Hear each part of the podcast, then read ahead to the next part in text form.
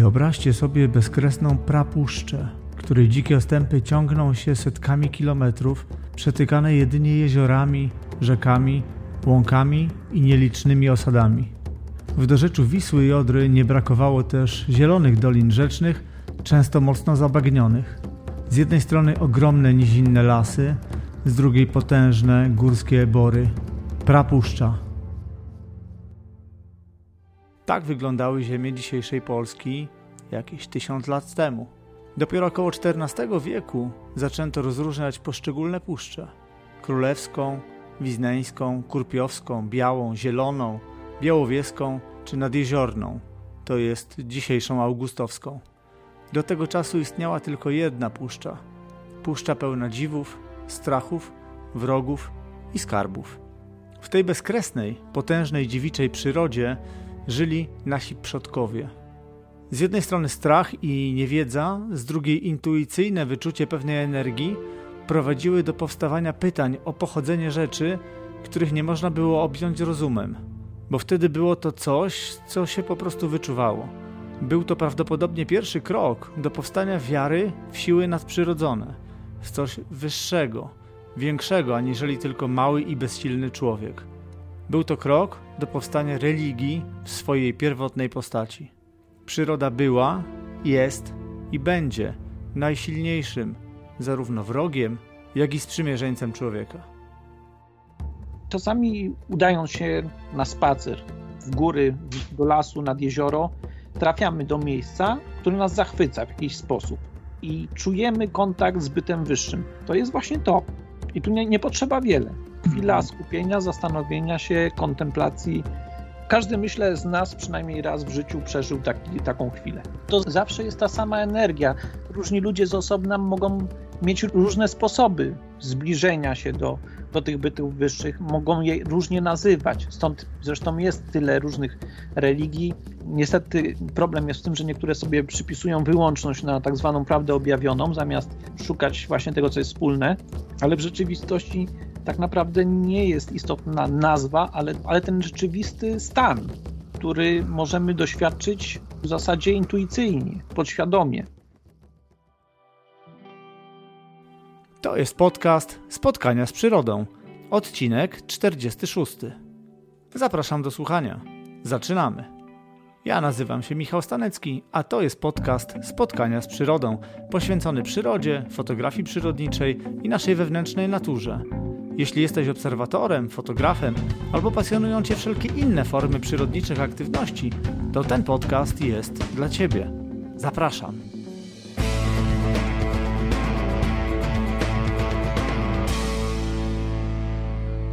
Jak zawsze zachęcam Was do pisania komentarzy, w których możecie odnieść się do treści poszczególnych odcinków, zadawać pytania, podsuwać pomysły na kolejne tematy, czy po prostu wyrażać opinie na temat mojego podcastu.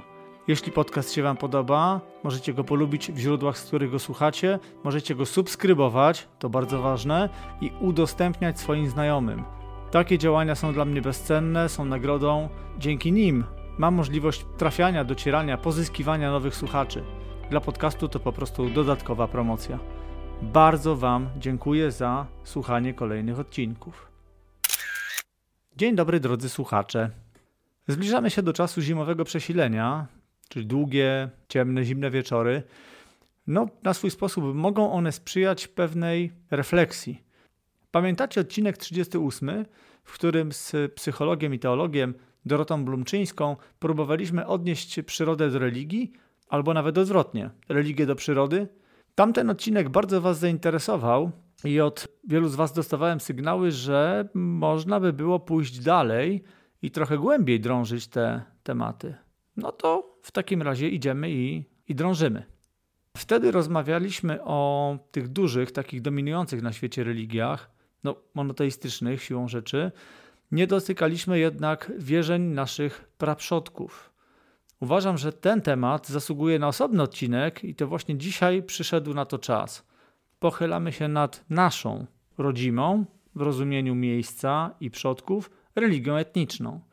Religia etniczna to taki system wierzeń, które są czy były wyznawane przez konkretną grupę etniczną, właśnie zamieszkującą dane ziemię. to taki system wierzeń wykształcony w oparciu o tradycję, kulturę czy specyfikę zamieszkiwanego terenu. No i co ciekawe, takie wierzenia no nie odeszły do przeszłości, gdzieś tam się nie rozmyły wraz z naszymi pra, pra przodkami, czy nadejściem nastaniem religii chrześcijańskiej, bowiem wierzenia te przetrwały wieki i są obecne do dziś. A współczesnych nam ludzi, którzy kultywują te wierzenia naszych pra, pra, i pra, pra, stale przybywa. To rodzimowiercy. Oto jak wyglądało to kiedyś i jak wygląda dzisiaj, głównie w kontekście odniesienia do przyrody, pytam Ratomira Wilkowskiego, rodzimowiercę, a do tego żercę, czyli kapłana rodzimego kościoła polskiego. Ratomir jest absolwentem e, Akademii Pedagogiki Specjalnej w Warszawie. Poza funkcją kapłana, no tak jak powiedziałem, jest żercą od wielu, wielu lat przy rodzimym Kościele Polskim. Jest też e, autorem tekstów, felitonistą. Propaguje rodzimą wiarę, opowiada o niej, edukuje. Jest pomysłodawcą, współorganizatorem licznych e, projektów rodzimowierskich, koordynatorem przeprowadzonych zjazdów rodzimowierczych, postacią, którą na pewno możecie znaleźć w internecie, bo on po prostu robi tam dobrą robotę, opowiadając o tym, czym była, czym jest ta wiara rodzima. Dodam tylko może jeszcze dla niewtajemniczonych, że u Słowian, naszych przodków, można było wyróżnić dwie takie ważne funkcje kapłańskie: jeżercy i wołchwa, z czego pierwsza bardziej była rozpowszechniana na zachodzie, a druga na wschodzie słowiańszczyzny. Ta funkcja wołchwa zbliżona była bardziej do roli szamana, uzdrowiciela, pośrednika między żywymi a duchami przodków, ale funkcja żercy polegała bardziej na posłudze świątynnej, roli pośrednika między ludźmi a bogami, Rolą żercy było, czy jest przede wszystkim gromadzenie, przechowywanie i przekazywanie wiedzy następnym pokoleniom. No właśnie, ten opis y, znalazłem w jednym z tekstów Ratomira i od razu mogę dodać, że z tego zadania doskonale się on wywiązuje, ponieważ poza uczestniczeniem w świętach i obrzędach, czasami po prostu zwyczajnie odkłamuje stereotypy dotyczące jego wiary i jego współwiernych. No to jeszcze słowo o rodzimowiercach. Podczas organizowanych i przeprowadzanych świąt przyjęty jest inno codziennego strój, ale nie jest on głównym wyznacznikiem pełnionej funkcji. Tym jest wiedza i pozyskiwany przez żerce w danej społeczności szacunek wiernych. Na co dzień strój żercy raczej niczym specjalnym się nie wyróżnia od stroju zwyczajnego, współczesnego nam. Może jakimiś drobnymi ozdobami, talizmanami, amuletami się wyróżnić, natomiast rozpoznawalnymi raczej przez y, swoich, jak to pisze, bo cytuję wam dalej fragment artykułu Ratomira. Podobnie y, rzeczy mają się życia zawodowego czy osobistego. Żerca powinien utrzymywać się z pracy własnych rąk, ma również pełne prawo zawrzeć związek małżeński i wychowywać dzieci. No to, to już wiecie, kto jest dzisiaj moim gościem. Zapraszam Was do wysłuchania rozmowy z Ratomirem Wilkowskim. Dobry wieczór, e, Ratomirze. Bardzo się cieszę, że przyjąłeś zaproszenie, znalazłeś chwilę i możemy razem pogawędzić. Przedstaw się proszę słuchaczom. Zapytałbym, czym się zajmujesz, ale zapytam w Twoim przypadku, kim jesteś i czym się zajmujesz. Jestem Ratomir Wilkowski, żerca przy rodzimym kościele polskim, rodzimowierczego na nasze. Jestem kapłanem w związku wyznaniowym, kultywującym dawne wierzenia naszych słowiańskich przodków. Ciekawie to brzmi, natomiast y, no jak pewnie wiesz i się domyślasz, niektórym naszym słuchaczom może to niewiele mówić. W związku z tym y, i, I przepraszam, bo nie odbieraj tego tak, że po prostu jesteście tak niszowi, że tam wiesz, nikt do was nie wie i trzeba tu wszystko tłumaczyć. Skoro mamy też słuchaczom jakąś tam wiedzę mimo wszystko budować, przybliżać, to mm, poproszę Cię o to, żebyś dosłownie w kilku słowach powiedział, czym jest rodzimowierstwo, bo ja się obawiam, że w skojarzeniach niektórych osób może to być na przykład, wiesz, taka grupa ludzi, którzy siedzą sobie w lnianych koszulach przy ogniu, gdzieś na polanie i na przykład może to być mylone z rekonstrukcjami. Jest coś takiego, prawda, że odtwarza się e, jakąś epokę, jakieś, jakieś czasy, jakąś kulturę. Myślę, że trzeba tutaj też podkreślić, żeby tych dwóch rzeczy nie mylić. To znaczy te lniane koszule pewnie mogą być, natomiast jakby nie to jest przedmiotem. Także w kilku słowach o samym rodzimowierstwie poproszę. Unikamy tego stereotypowego postrzegania, bo rzeczywiście czasami ono się zdarza, natomiast rodzimowierstwo nie jest ani odtwórstwem historycznym, ani jakąś cepelią, czy uciekaniem w jakieś takie hobby, natomiast jest rzeczywistą, żywą wiarą, która stanowi kontynuację wierzeń w dawnych słowiańskich bogów. Mówimy jest... tu o czasach, tak zwanych czasach przedchrześcijańskich. przedchrześcijańskich, ale również pochrześcijańskich, bo nie ma jasnej, konkretnej granicy, w której... Do kiedy, od kiedy? Tak, dokładnie. Y, chodzi o to, że przyjmuje się teoretycznie i to też w bardzo takich ogólnych ramach, że w momencie chrztu, tak zwanego chrztu Polski w 966 roku nastąpiła ta chrystianizacja, ale trzeba sobie to uświadomić, że ona nie nastąpiła z dnia na dzień, raptem jakby ktoś światło zgasił. To rodzimowierstwo, te dawne wierzenia pierwotne cały czas funkcjonowały i były obecne w życiu i w kulturze naszych przodków jeszcze do spokojnie XVIII wieku. Na przełomie XVII i XVIII wieku jeszcze księża z Ambon gromili prosty lud, że oddaje się pogańskim wierzeniom po lasach. Także ta ciągłość cały czas była zachowana w mniejszym lub większym stopniu. No jak widać przetrwała aż do dziś, skoro są rodzimowiercy, którzy te wierzenia kultywują. Mam wrażenie, że one są kultywowane również nieświadomie, pod y, trochę innym, brzydko mówiąc, szyldem, pod y, trochę inną dzisiaj narracją. Myślę tutaj po prostu o innych religiach i zwłaszcza o tej dominującej u nas, że bardzo wiele z tej starej, rodzimej wiary, wiele akcentów przetrwało, tylko one są po prostu inaczej zdefiniowane, inaczej nazwane. Nie? Do, do, do tego pewnie dotkniemy w naszej rozmowie jeszcze. To akurat wynika z tego, że generalnie monoteizm dominujący w naszym kraju miał tendencję albo do rugowania i niszczenia tego, co zastał z rodzimych etnicznych kultur, a tego, czego się nie dało wykorzenić, adaptował dla własne potrzeby. Zresztą ma na to specjalny termin, zwany inkulturacją. Mówiąc najprościej, polegało to na przejmowaniu lokalnych tradycji i nadawaniu im własnego znaczenia.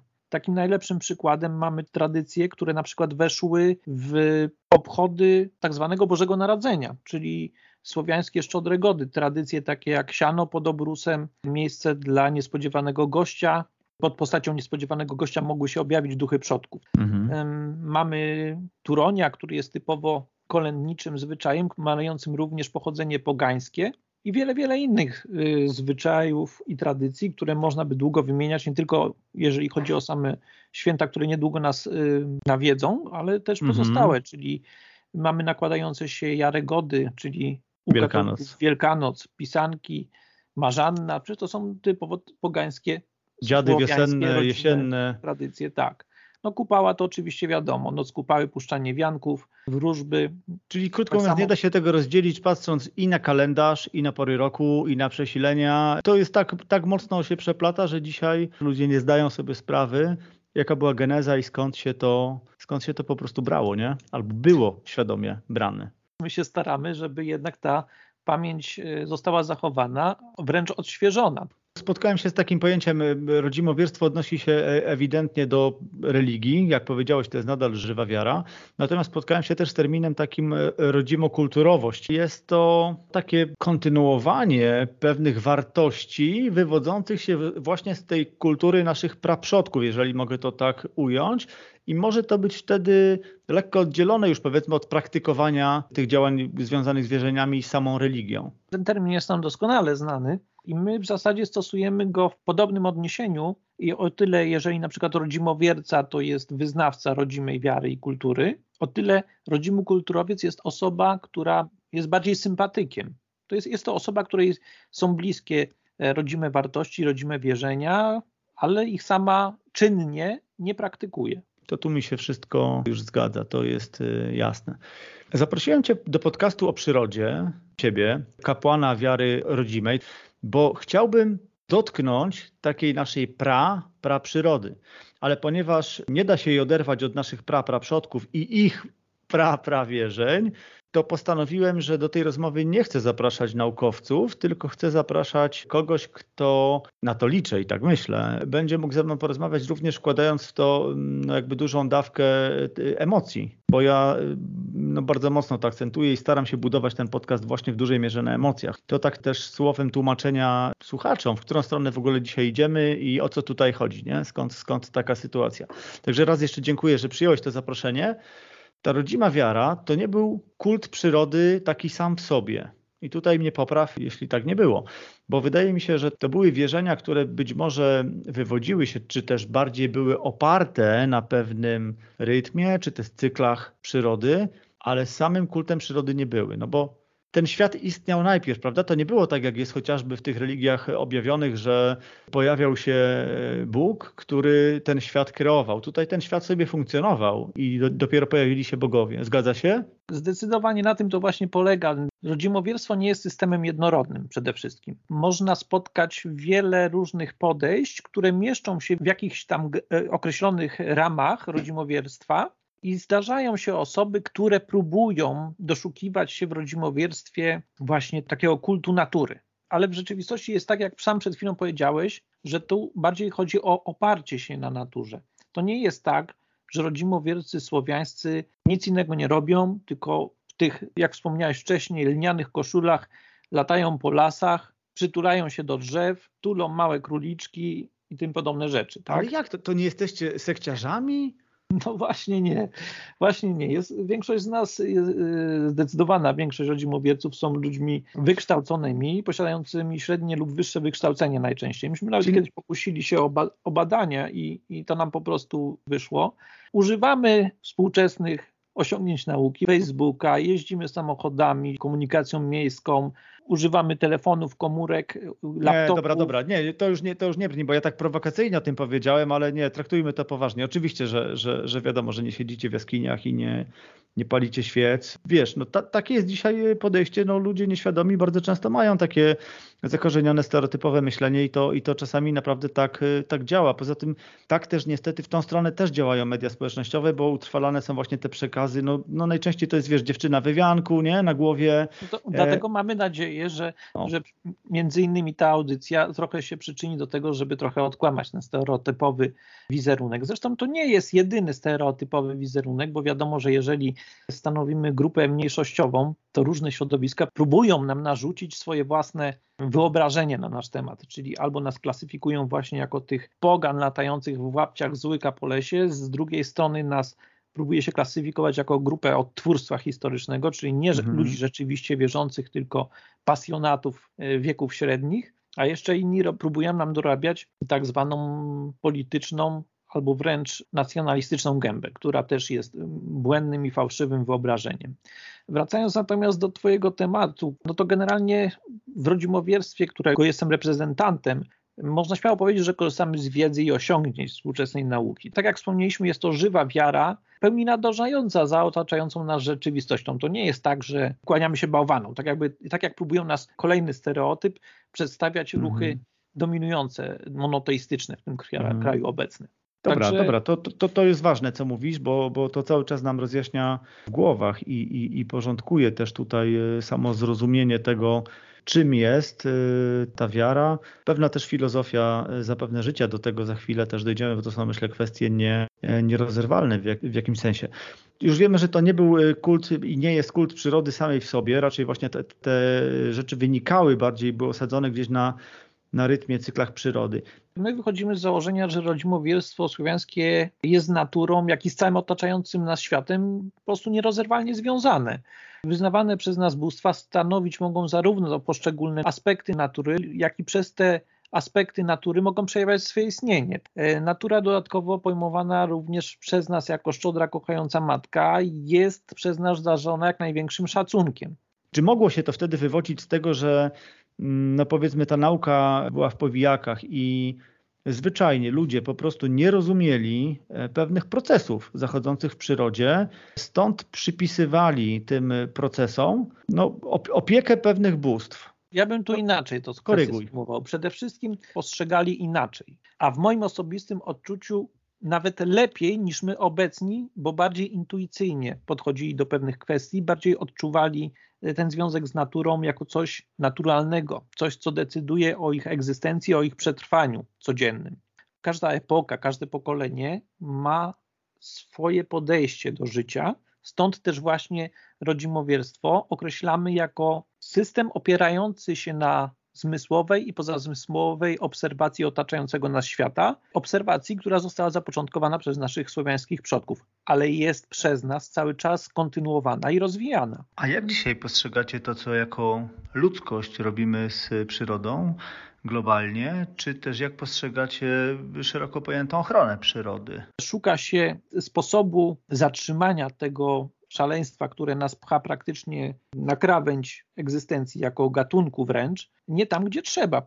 Indywidualnie każdy z nas również powinien starać się naturze, matce ziemi dać trochę odetchnąć. Natomiast problem jest gdzie indziej. Problem jest w wielkich korporacjach i w rządach, które w zasadzie nie robią nic, żeby to powstrzymać.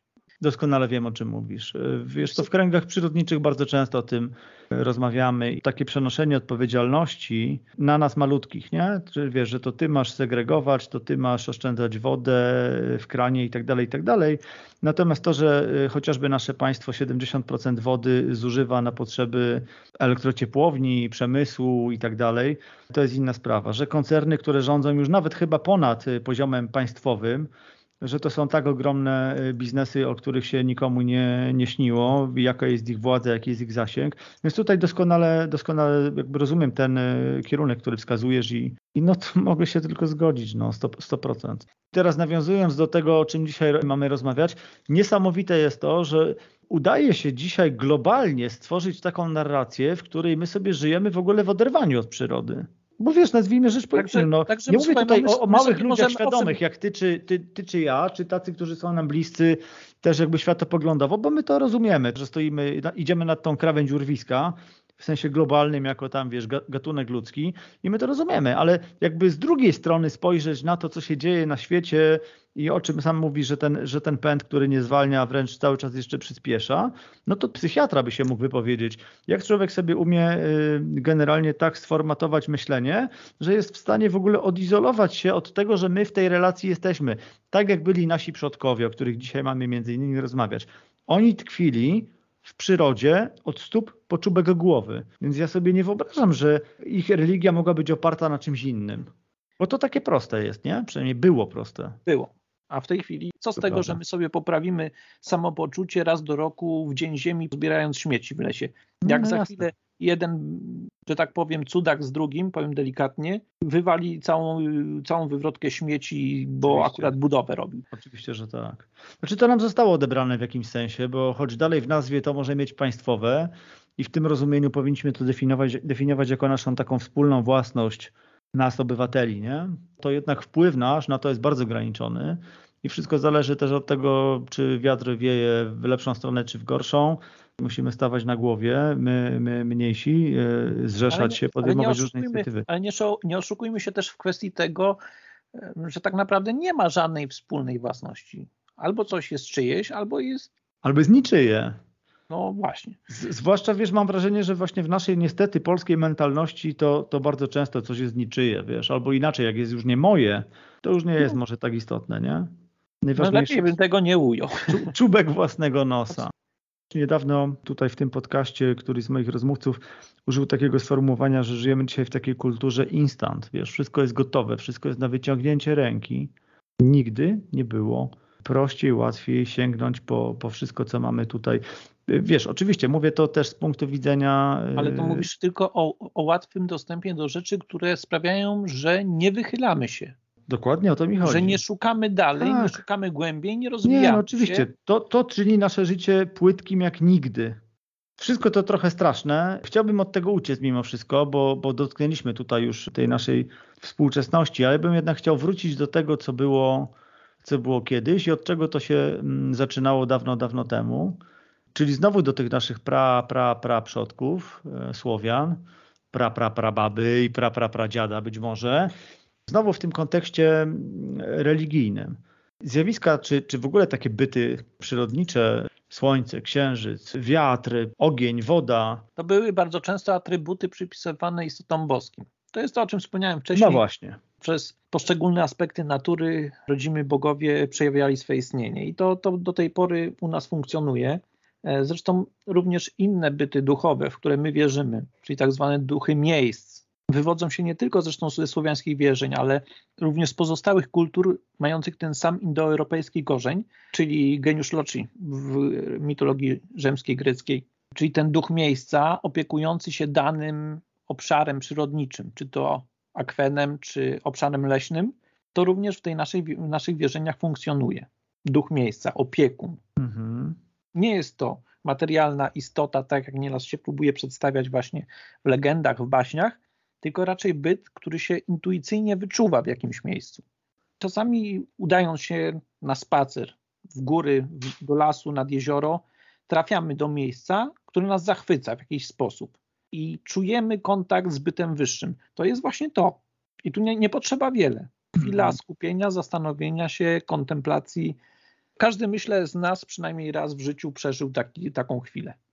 Tak, ja wiem o czym mówisz. Wielokrotnie doznawałem takiego uczucia, jeżeli mogę tak powiedzieć. Faktycznie zaczynasz dotykać gdzieś tam tej istoty wyższej, bez wchodzenia w to nawet jaka to jest religia, w co ty wierzysz i tak dalej. Myślisz to, sobie... To za, zawsze jest ta sama energia. Różne Dokładnie. kultury, tak a jest. nawet różni ludzie z osobna mogą mieć różne, różne sposoby zbliżenia się do, do tych bytów wyższych, mogą je różnie nazywać. Stąd zresztą jest tyle różnych religii. E, niestety problem jest w tym, że niektóre sobie przypisują wyłączność na tak zwaną prawdę objawioną, zamiast szukać właśnie tego, co jest wspólne, ale w rzeczywistości tak naprawdę nie jest istotna nazwa, ale, to, ale ten rzeczywisty stan, który możemy doświadczyć w zasadzie intuicyjnie, podświadomie. Poza podświadomością dotykamy tutaj pewnego poziomu jednak świadomości, bo zobacz, że dzisiaj możesz zaprowadzić kogoś w właśnie, właśnie w takie miejsce, e, które no, budzi w nas taką energię specyficzną, ale jeżeli ten ktoś będzie, mm, wiesz, zasuwać tam z słuchawkami na uszach i, i, i być może smartfonem w ręku, on może tego nie dotknąć, on może tego ależ, nie dostrzec. Ależ oczywiście, nie? bo to Czyli tak jednak, zresztą w ogóle w tych rozmowach o przyrodzie i takim przeżywaniu przyrody, ale do o każdego emocjach, człowieka nie? może przemawiać co innego. Pamiętaj. Ja tu też nie chcę wchodzić w inny taki zakres dyskusji, ale no też musimy być świadomi, że kultura, która się wykształciła na odległych piaskach pustyni, będzie in, zupełnie inaczej postrzegać ziemię, naturę, e, otaczającą nas przyrodę, czy, czy świat ogólnie, niż kultura, która tak jak my, słowiańska, wykształciła się wśród zielonych puli lasów. To jest, to jest bardzo często spotykane właśnie porównanie, że w przypadku e, monoteizmów, które powstały, czy to chrześcijaństwo, czy, czy islam, czy judaizm, jest to system wyznaniowy, który powstał w bardzo gorącym środowisku, bardzo nieprzyjaznym, mhm. w którym życie to jest ciągła walka o każdą kroplę wody, o każdy kęs pokarmu. Zgadza się. E, więc siłą rzeczy bogowie, czy też Bóg, bo oczywiście te systemy pierwotnie również były politeistyczne, one dopiero z czasem e, nabrały charakteru monoteizmów, były najczęściej bogami surowymi. Y, Jahwe w Starym Testamencie jest również Bogiem bardzo surowym, sędzią. Dopiero w Nowym Testamencie Jezus, przesłanie, które jest przypisywane Jezusowi jako synowi Jahwe, ma zmienić jego obraz na tego sprawiedliwego Ojca. Ale pierwotnie Jahwe wielokrotnie w Starym Testamencie udowadnia, że jest Bogiem bezkompromisowym, zazdrosnym, chorobliwie wręcz, potrafiącym pozbawić życia całe miasta, a wręcz narody. I to z błahych powodów. Natomiast w przypadku bóstw słowiańskich, gdzie spojrzenie na naturę jest zupełnie inne, bo natura w przeciwieństwie do pustyń, natura pól, zielonych łąk i lasów jest szczodrą, kochającą matką, której się należy szacunek i miłość a nie próbuje się nią czynić sobie poddaną. Powiedziałeś o tym, że niektóre miejsca miały swoich, no nie wiem jak to, jakiego tutaj użyć określenia, patronów, opiekunów? Duchy, duchy miejsc. Duchy miejsc, tak, duchy miejsc. Te miejsca były wtedy i, i są nadal tak wyjątkowe, że one są dodatkowo, wiesz, no myślę sobie o takich lasach, nie? Które, które były, są w tym rozumieniu. Ja nie mówię, że cały obszar lasu, ale są miejsca, gdzie się trafia. Wyjątkowe. I są. I tak. Myślę, tak, że tak, zdecydowanie. Tak. I, I my to dzisiaj rozumiemy tak, jak sobie tutaj to zdefiniowaliśmy, czyli znajdziesz się w takim miejscu i to po prostu to poczujesz, bez względu na to, jak ty to nazwiesz, tak? tak? To, to, znaczy, to wiemy o co nieraz, chodzi. Nieraz czujemy energię, nieraz ta, ta energia nas odpycha, a nieraz przyciąga. To, to okay, okay. Jak... i czasami nawet ciężko jest nam to nazwać i, i, jakby jednoznacznie określić, ale wiemy, że coś jest na rzeczy, tak? I, i, tak. i tego się trzymamy. Tak jest dzisiaj. Kiedyś było dokładnie tak samo wnioskuję, że znacznie częściej i znacznie głębiej, ponieważ ludzie nie mieli aż takich schematów wdrukowanych, jak obecnie to ma miejsce. Ja się osobiście bardzo często jako rodzimowierca spotykam z osobami, które pierwszy raz stykają się z rodzimowierstwem i część z nich stwierdza tak, że to, w co my wierzymy, to jest w zasadzie to, w co on wierzył cały czas, tylko nie potrafił tego zdefiniować, nie wiedział, że coś takiego istnieje. A inna, zupełnie inna grupa ludzi próbuje deklarować się, że jest rodzimowiercą albo rodzimowierczynią, natomiast ma tak głęboko wdrukowane pewne schematy, y, właśnie wyprowadzone z religii monoteistycznych, że nie jest w stanie się ich wyzbyć. A rodzimowierstwo nie polega na tym, że na ołtarzu jedne figury zmienimy na drugie. Rodzimowierstwo to jest, można powiedzieć, odrębny system filozoficzny. Sposób na życie w zasadzie. Ta przyroda była bardzo mocno obecna w wierzeniach. To było nierozerwalne. To było tak. Ona była przesiąknięta. To, tak to... jest, splecione na, na, na stałe. Ale w takim razie pytanie, jak te jak to, że ona tam była tak mocno obecna, nierozerwalnie obecna, przekładało się na, na takie relacje z żywą przyrodą. Szukam ciągle w moich poszukiwaniach. Tak, ale, ale ty cały czas y, też próbujesz oceniać to z takiej perspektywy nas współczesnych, z których większość, y, zdecydowana większość ma już pewne przyjęte wyobrażenia w danej kwestii. Natomiast y, musisz na chwilkę się od tego oderwać i spojrzeć na ten dawny świat, który jest no, sprzed tysiąca pomóż. lat, w taki sposób, jak widzieli to nasi przodkowie. Więc dla nich to nie było coś niezwykłego, dla nich to była rzecz całkowicie naturalna. Właśnie o to chodzi, wiesz, żeby otworzyć sobie taką klapkę w głowie i, i, i trochę zresetować pewien Ma, myślenia. Jak masz, jak masz sfery, sakrum i profanum, tak? Okej. Okay. To obecnie w religiach, szczególnie monoteistycznych, są to dwie wyraźnie oddzielone kwestie.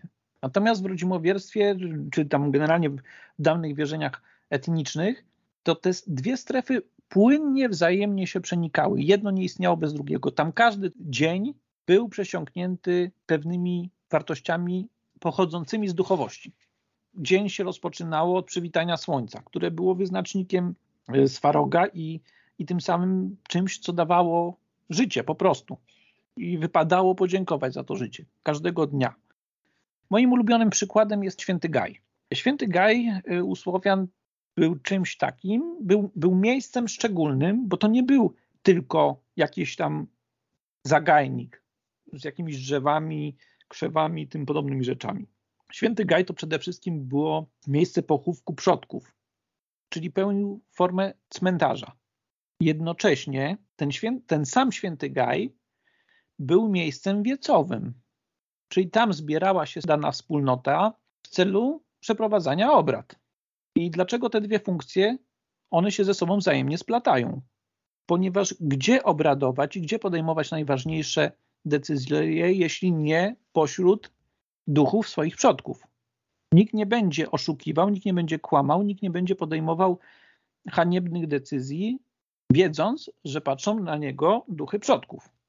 Dodatkowo święte gaje były tak uświęconymi miejscami, że według kronik, według przekazów zwierzęta czuły się tam tak bezpiecznie, że zupełnie nie bały się ludzi w tych miejscach. Po prostu tam na nie nie polowano i nie krzywdzono ich. Mhm. Więc nie miały powodu się obawiać człowieka. To spowodowało, że święte gaje podczas procesu chrystianizacji stały się głównym celem y, ich likwidacji ponieważ było to wymierzenie nie tylko w miejsce kultu, ale w miejsca wiecowe, czyli destabilizacja struktury decyzyjnej poszczególnych plemion. Także tu mamy ten najlepszy przykład, ten najlepszy obraz, jak właśnie sfera, sfera sakrum przenikała się z profanum i było to czymś naturalnym, oczywistym i w zasadzie dotyczyło życia całej społeczności. Chciałbym wrócić jeszcze raz do przyrody, ochrony przyrody, czy też po prostu ekologii. Rodzimowiectwo nie jest jakimś eko-oszołomstwem. Nie, no jestem daleki od tego, no to, to absolutnie. No, ty jesteś daleki, ale ktoś może odnieść tak, takie wrażenie, więc od razu sobie powiedzmy wprost, że mm, o ile na przykład natura jest dla nas istotna, bardzo ważna, no bo bez natury nas nie ma. Natura sobie bez nas świetnie poradzi. Natomiast my bez natury w żadnym razie. My nie mamy szans przetrwać bez natury. Obecnie podcinamy gałąź, na której sami siedzimy. Nie, no to jest natomiast, misja samobójcza, oczywiście, no wiesz, szereg, bardzo szeroko zakrojona. Yy, natomiast o czym chcę powiedzieć. o ile nie jesteśmy eko-oszołomami tak zwanymi, tak, to, to tak jak mówię, nie, w rodzimowiectwie nie chodzi o przytulanie się do drzew, bieganiu łapciach w łyka, kąpaniu się nago w sadzawkach. Ja wiem, że to są fajne rzeczy, nie? I nie to, że my je wykluczamy, bo, bo, bo to są fajne rzeczy, nie? Ale generalnie nie na tym to polega. E, jako rodzimowiercy przeciwstawiamy się sytuacji, w której bogactwa gromadzone w ziemi przez miliony lat są niemal w całości przejadane w okresie życiu, życia kilku ostatnich ludzkich mhm. pokoleń. No. Mhm. Także my, jako rodzimowiecy, jesteśmy za racjonalną, zdroworozsądkową, opartą na naukowych podstawach, zrównoważoną gospodarką tymi zasobami. A jakie dzisiaj jest miejsce natury w waszym życiu? Wy jesteście blisko tej natury, żyjecie blisko niej? Większość naszych świąt odbywa się na łonie natury. I my potrafimy świętować nawet kilka dni, mieszkając w namiotach, nawet jeżeli aura niekoniecznie jest sprzyjająca. Nie ukrywamy, że pracujemy nad tym, żeby mieć również świątynię z prawdziwego zdarzenia. Mam, prowadzimy w tej chwili projekt e, zatytułowany Rodzimowiercy na swoim, mhm. E, który je, polega na zrzutce, robimy, prowadzimy zbiórkę finansową na to, żeby zebrać środki na zakup ziemi, na której powstanie świątynia z prawdziwego zdarzenia, która pozwoli nam spędzać e, święta, obchody, czy spotykać się generalnie przy okazji jakichś wykładów, czy wydarzeń kulturalnych, również w sytuacji, gdy ta aura pogodowa jest szczególnie nieprzychylna. Bo o ile możemy oczywiście spotkać się w plenerze w przypadku jarych godów, czyli e, początek wiosny, chociaż potrafi leżeć śnieg już jeszcze wtedy, prawda?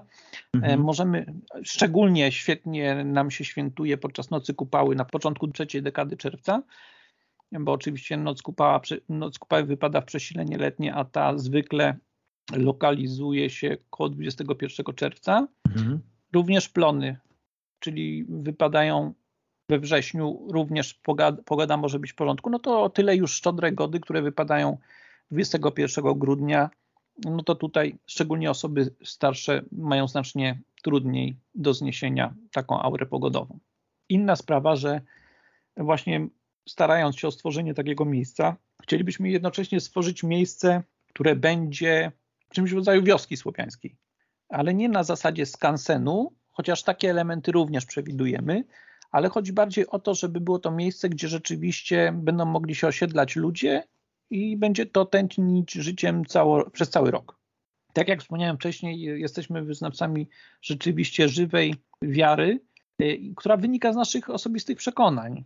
I chcielibyśmy móc żyć pośród ludzi, którzy podzielają te same przekonania i czuć się swobodnie.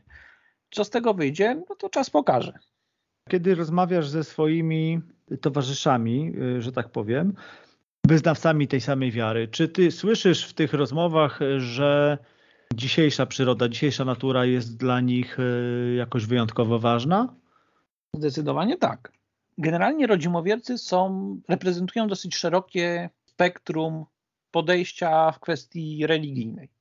Bo to są i politeiści, i henoteiści. Znaczy, henoteizm jest generalnie formą politeizmu, ale jest to takie wyszczególnienie, że tym się różni od takiego klasycznego politeizmu, że w henoteizmie jest jeden, jedno bóstwo, które jest wysuwane na czoło, tak? Aha. Okay. No, i są, no i są oczywiście panteiści, e, którzy utożsamiają bogów, tudzież tego Boga Najwyższego z całym otaczającym nas światem. Oczywiście jest całe mnóstwo bo te podejść i koncepcji, które, się, które są wypadkowymi tych trzech wymienionych, ale zawsze, zawsze możemy znaleźć pewne wspólne elementy, jakim jest właśnie szacunek czy też kult przodków, kult bogów słowiańskich, no i właśnie szczególny szacunek dla natury, która jakby legła u podstaw tych systemów, które powstały. Jesteśmy niejako osadzeni w naturze, więc nasza wiara nie funkcjonuje bez niej. Jest w Biblii zapis taki, w chrześcijaństwie, katolicyzmie. Ten tekst brzmi mniej więcej tak. Nie sądźcie, że przyszedłem pokój przynieść na ziemię. Nie przyszedłem przynieść pokoju, ale miecz. Bo przyszedłem poróżnić syna z jego ojcem, córkę z matką. Kto kocha ojca lub matkę bardziej niż mnie, nie jest mnie godzien. I kto kocha syna lub córkę bardziej niż mnie, nie jest mnie godzien. I tu mamy pewną treść, która jest, oczywiście ją można również interpretować na 101 sposobów i część teologów katolickich e, próbuje dowodzić, że, że te słowa nie znaczą to, co znaczą, natomiast cokolwiek by nie znaczyły, w przypadku rodzimowierstwa, etnicznej wiary, moi rodzimie bogowie są ściśle związani z moim rodem, z naturą. Bogowie i natura w wielu aspektach to są kwestie, które się przenikają. I tak jak wspomniałem, są ściśle związane z moim rodem. Wyrzekając się córki, wyrzekając się ojca czy matki, wyrzekałbym się swoich bogów i natury, która mnie otoczyła i która mnie zrodziła. Tym samym moi bogowie nie wymagają ode mnie dokonywania tego rodzaju absurdalnych wyborów, jak, jak w treści, którą ci zacytowałem. To jest ta zasadnicza różnica. Obecności natury w naszych wierzeniach stanowi naszą integralną część, której się nie musimy wyrzekać, bo wyrzekając się natury, wyrzeklibyśmy się nie tylko swoich bogów, ale samych siebie. Rodzimowierstwo często nazywane jest też religią naturalną, ale tutaj znowu nie, nie chyba nie dajmy się złapać w pułapkę, bo znowu nie chodzi o tą naturę w takim rozumieniu no nie, nie, nie. czysto przyrodniczym, nie? Zdecydowanie nie chodzi o to.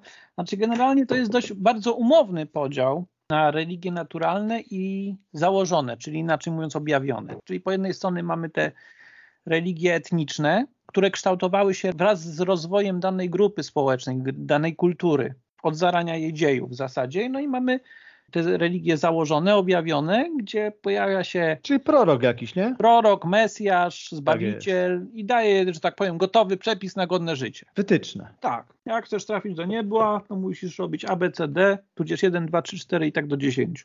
Natomiast y, w przypadku religiach naturalnych nie ma generalnie takiej tendencji do popadania w bezkrytyczny dogmatyzm, z tego względu, że religie naturalne rozwijają się wraz z daną grupą społeczną, po prostu tak podobnie jak nauka opierają się na zmysłowej i pozazmysłowej obserwacji otaczającego nas świata.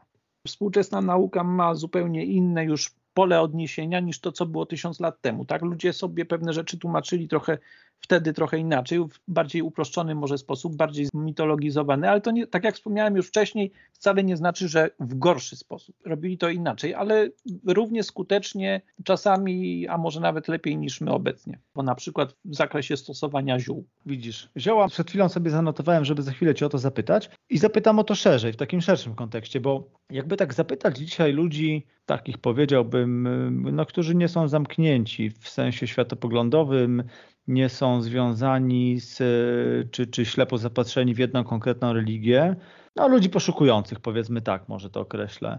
Sam robiłem sobie takie małe dochodzenie, która z religii jest y, najbliżej przyrody, ale też w takim znaczeniu y, szacunku chyba najbardziej powiedziałbym, y, bo wiesz, tu na razie nie chcę, nie chcę wchodzić i, i rozwijać.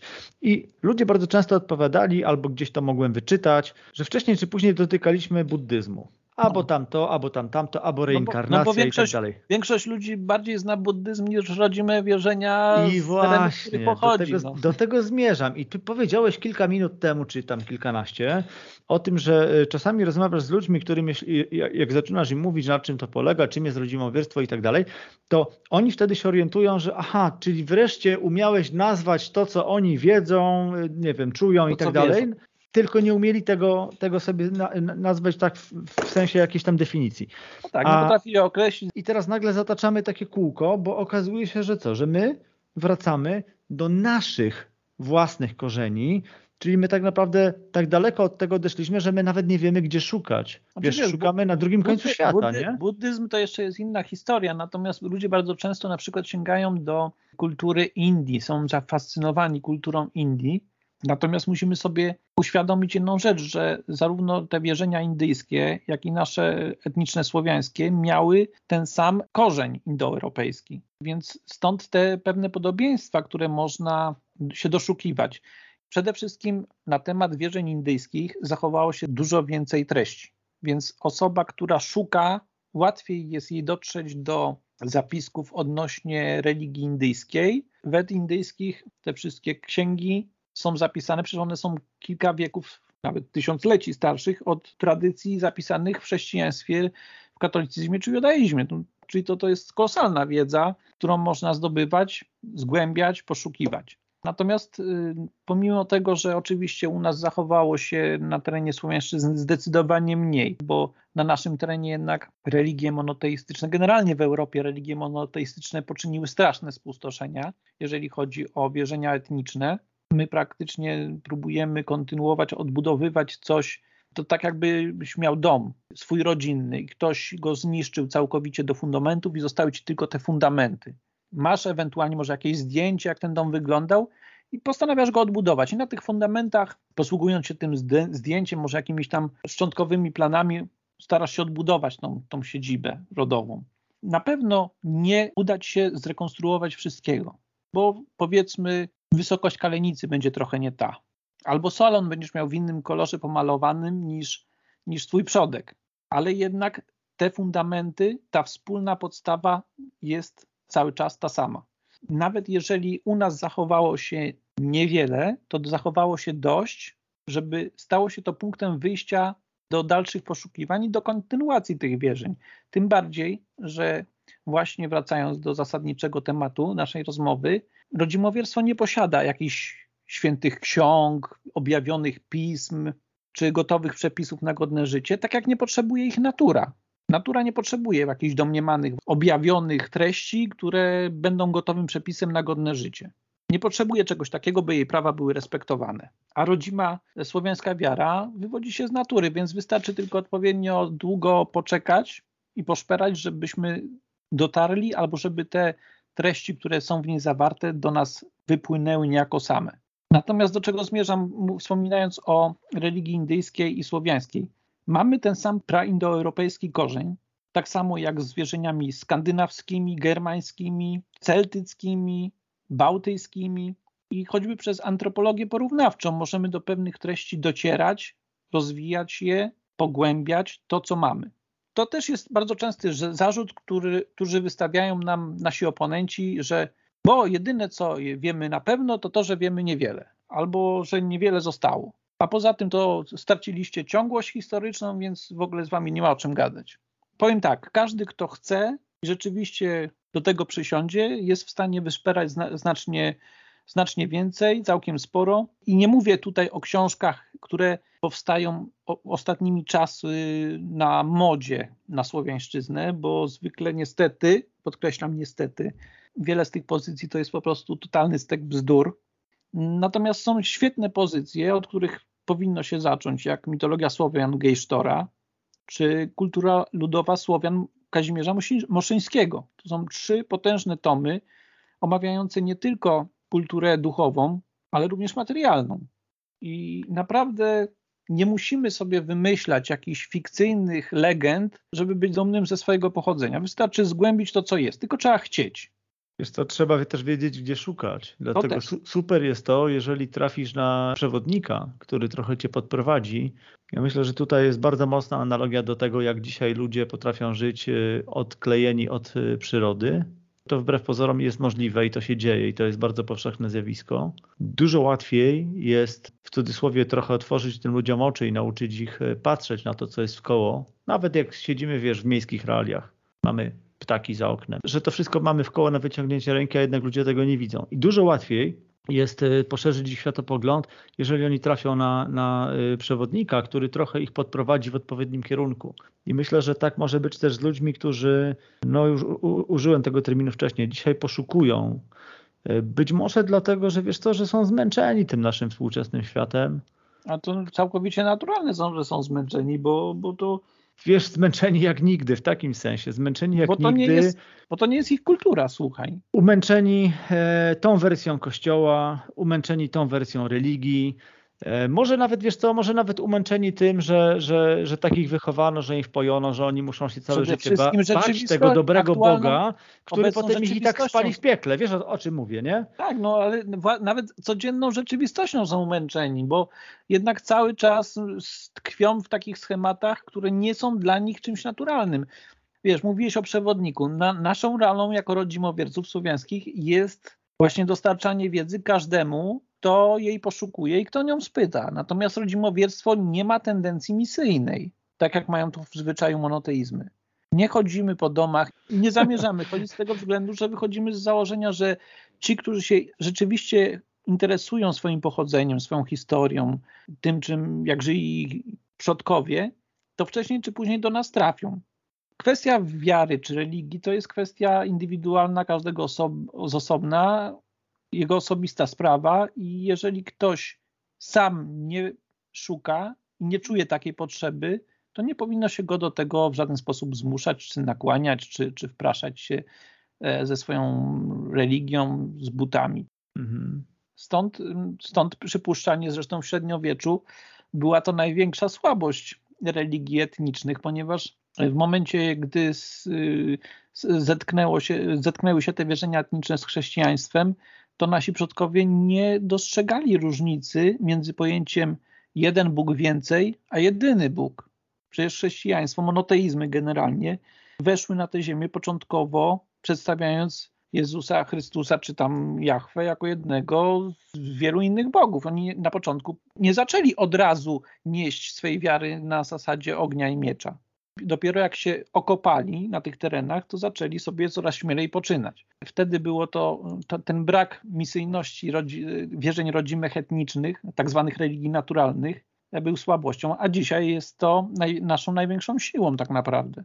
Ponieważ o ile w średniowieczu ta indywidualność ludzka, potrzeba poszukiwania osobistego rozwoju była praktycznie zepchnięta na margines, no bo to takie były wówczas okresy polityczne, tak zwana polityka feudalna, a dzisiaj mamy demokrację i, i ta, ta potrzeba własnego, własnego dotarcia do korzeni jest dużo silniejsza, więc dziś to właśnie religie monoteistyczne są w odwrocie, przynajmniej pośród ludzi wykształconych i chcących się rozwijać, poszukiwać. Natomiast rodzimowierstwo i religie etniczne wracają do łask, można powiedzieć.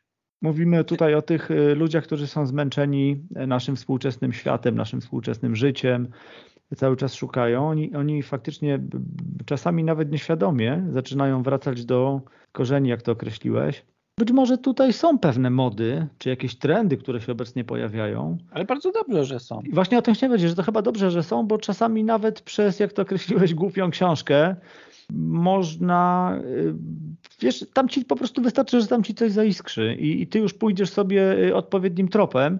I z tej książki nie musisz wynieść wcale więcej niż tylko to, niż tylko ten impuls, który cię pociągnie w dobrą stronę, no tak, a, wtedy, kwestia, a, a wtedy już trafisz ktoś... do mądrej książki, wiesz, i krok no po tak, kroku. kwestia, czy ktoś zdecyduje się poszukiwać dalej, no tak, właśnie, drąży, właśnie, drążyć nie, o, o, ty, o, tym właśnie mówię, ale zobacz, to, to, to wracając do korzeni, to też i to też gdzieś padło już w rozmowach tutaj podcastowych, że dochodzimy do takiego mm, wniosku, że my czasami y, musimy się tak, wiesz, rozpędzić, y, potem y, zbłądzić, w końcu upaść, wiesz, wyrżnąć po prostu twarzą o ziemię, żeby dopiero żeby się otrząsnąć. Żeby się otrząsnąć i wtedy zaczynamy wracać do tego, co się okazuje, mamy gdzieś w swoim DNA głęboko zakorzenionym. Zaczynamy dostrzegać po prostu więcej. To, co do tej pory Słuchaj, Niby... moda, na, moda na zielarstwo, y, moda na to, że dzisiaj fajna jest polska, słowiańska kuchnia, że idziesz na łąkę, wiesz, w sezonie zbierasz sobie roślinki, które okazuje się nagle, że większość z nich można spokojnie zjeść. Modne staje się nocowanie na łonie natury, gdzieś spędzanie czasu, wiesz, pod gwiazdami i tak dalej, i tak dalej. Jeżeli, jeżeli mogę Ci przerwać, moda na zielarstwo to jeszcze potrzebuje trochę czasu. Ale już i tak się ruszyło ta natura była, jest i zapewne dalej będzie w tym obecna. A jak się dzisiaj ma rodzimowierstwo? Jak się ma rodzimowierstwo w Polsce? Jeżeli chodzi o rodzimowierstwo w Polsce, to ma się całkiem nieźle. Ono może nie jakoś szczególnie dynamicznie się rozwija, ale sukcesywnie, powolutku przed do przodu. Powiem Ci, że na pewno jest w dużo lepszej sytuacji niż to, w jakim rodzimowierstwo zawędrowało u naszych wschodnich sąsiadów bo tam rzeczywiście dosyć silne były ingerencje w rozwój tego środowiska z zewnątrz, zarówno ze środowisk politycznych, jak i różnego rodzaju magików, guru i tym podobnych cudaków. Natomiast rodzimowierstwo w Polsce miało to szczęście, nawet jeżeli występowały w Polsce tego typu działania, to były one dość ograniczone, miały one dość ograniczony zakres. Oczywiście rodzimowierstwo słowiańskie nie jest całkowicie wolne od tego, zwłaszcza współcześnie. To, o czym wcześniej wspomniałem, że są pewne stereotypowe próby przypisania rodzimowierstwa do pewnych ideologii, czy to właśnie uczynienia z niego jakiegoś skanseniarstwa, tudzież jakiegoś kolejnego ruchu New Age, który jest tylko modą i za rok, dwa przeminie, tudzież uczynienia z niego ruchem politycznym, najczęściej skrajnie prawicowym, bo takie próby niestety też miały, ma, mają miejsce, od czego my się zdecydowanie odżegnujemy i pra, zawsze staramy się to prostować. Zresztą no, nie można inaczej, bo jeżeli oczywiście mówimy o rzeczywistym rodzimowierstwie słowiańskim, czyli sięgającym do kultury wierzeń naszych słowiańskich przodków, to żaden rozsądny rodzimowierca nie będzie zwolennikiem ideologii państwa totalitarnego, które za cel sobie stawiało eksterminację tych wszystkich Słowian, prawda? Jest to wzajemnie się wykluczająca kwestia. Ale oczywiście takie próby ze strony ruchów politycznych, niekoniecznie pochodzących z naszego kraju, również miały i mają miejsce w Polsce. A gdybym, gdybym wysunął taką tezę, że przyroda sama w sobie może być religią i dla wielu jest, choć tak jak wcześniej mówiliśmy, być może nie, nie potrafią tego nazwać w sposób świadomy, że tak właśnie jest, ale wierzą, Wiesz, użyłem takiego sformułowania, że czasami stajemy w takim niesamowitym miejscu, w którym odczuwamy taką mocną energię, otwieramy usta, chłoniemy to wszystkimi zmysłami i gdzieś właśnie wtedy w głowie rodzi się ta myśl, że to, to, to nad tym musi stać jakaś siła wyższa, siła sprawcza, jakbyśmy jej nie nazwali. Możemy wierzyć w to, że właśnie napędza ten nasz świat od, od wieków, od prawieków, y, ta, ta zmienność natury, jakieś cykle, jej rytm i tak dalej, i tak dalej. Czyli to założenie, że przyroda sama w sobie jest religią. Jaką byś tu widział relację między takim twierdzeniem, taką tezą, czy taką nawet filozofią życia, a tym, czym jest dzisiaj rodzimowierstwo? Po pierwsze, niektórzy bardzo negatywnie podchodzą do samego terminu religia. To oni rozgraniczają kwestię religia a wiara. Ze względu na to, że religia to jest y, mówiąc najprościej, najkrócej, tam oczywiście to jest skrót myślowy, ale najprościej rzecz ujmując, religia to jest zinstytucjonalizowana wiara. To zgadza się, oczywiście. Dlatego mówimy u nas o instytucji Kościoła katolickiego, tak. prawda? No w tym kontekście, dokładnie. Mhm. Więc jeżeli chodzi o rodzimowierstwo słowiańskie, to jest poniekąd ta, tak jak ze wspomnianym przez ciebie buddyzmem. Buddyzm niejednokrotnie nie określa się już mianem religii, lecz właśnie filozofii. Mhm. I rodzimowierstwo dla większości z nas jest właśnie sposobem na życie, y, rodzajem filozofii życiowej. Cały czas wracamy do tej kwestii, rozbijamy się o to. To nie jest odtwórstwo historyczne. To nie jest mhm. wyłącznie folklor czy tam tym podobne rzeczy, chociaż te elementy również występują, natomiast nie, one nie są decydujące o tym, czym jest rodzimowierstwo. Rodzimowierstwo jest tak naprawdę pewnym sposobem na życie w zgodzie z samym sobą, w zgodzie z otoczeniem, w zgodzie z naturą.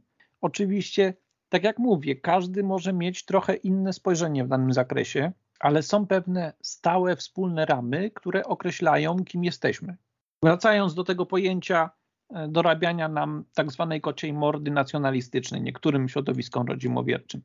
Można o tym poczytać, oczywiście. Tak, można poczytać, brakuje. można tak. znaleźć, jeżeli bym, nie, nie to, nie, nie chcę tutaj wybierać niczego, rozmawiamy tutaj, całe spektrum omawiamy zagadnienia. Natomiast chcąc przechodzić do kwestii nacjonalizmu w środowisku rodzimowierczym, od razu zaznaczam, że nie jest to trend dominujący. Nawet jeżeli takie stwarza pozory, to nie jest to trend, w rzeczywistości nie jest to trend dominujący, aczkolwiek oczywiście najbardziej eksponowany przez media, bo jest najbardziej atrakcyjny i przez to się no, najlepiej nośny, sprzedaje. Oczywiście, no pewnie. Natomiast jeżeli chodzi o nacjonalizm, y, to generalnie należy sobie uświadomić, że pojęcie narodu jako takiego jest pojęciem bardzo niedawno powstałym, jest stosunkowo nowym.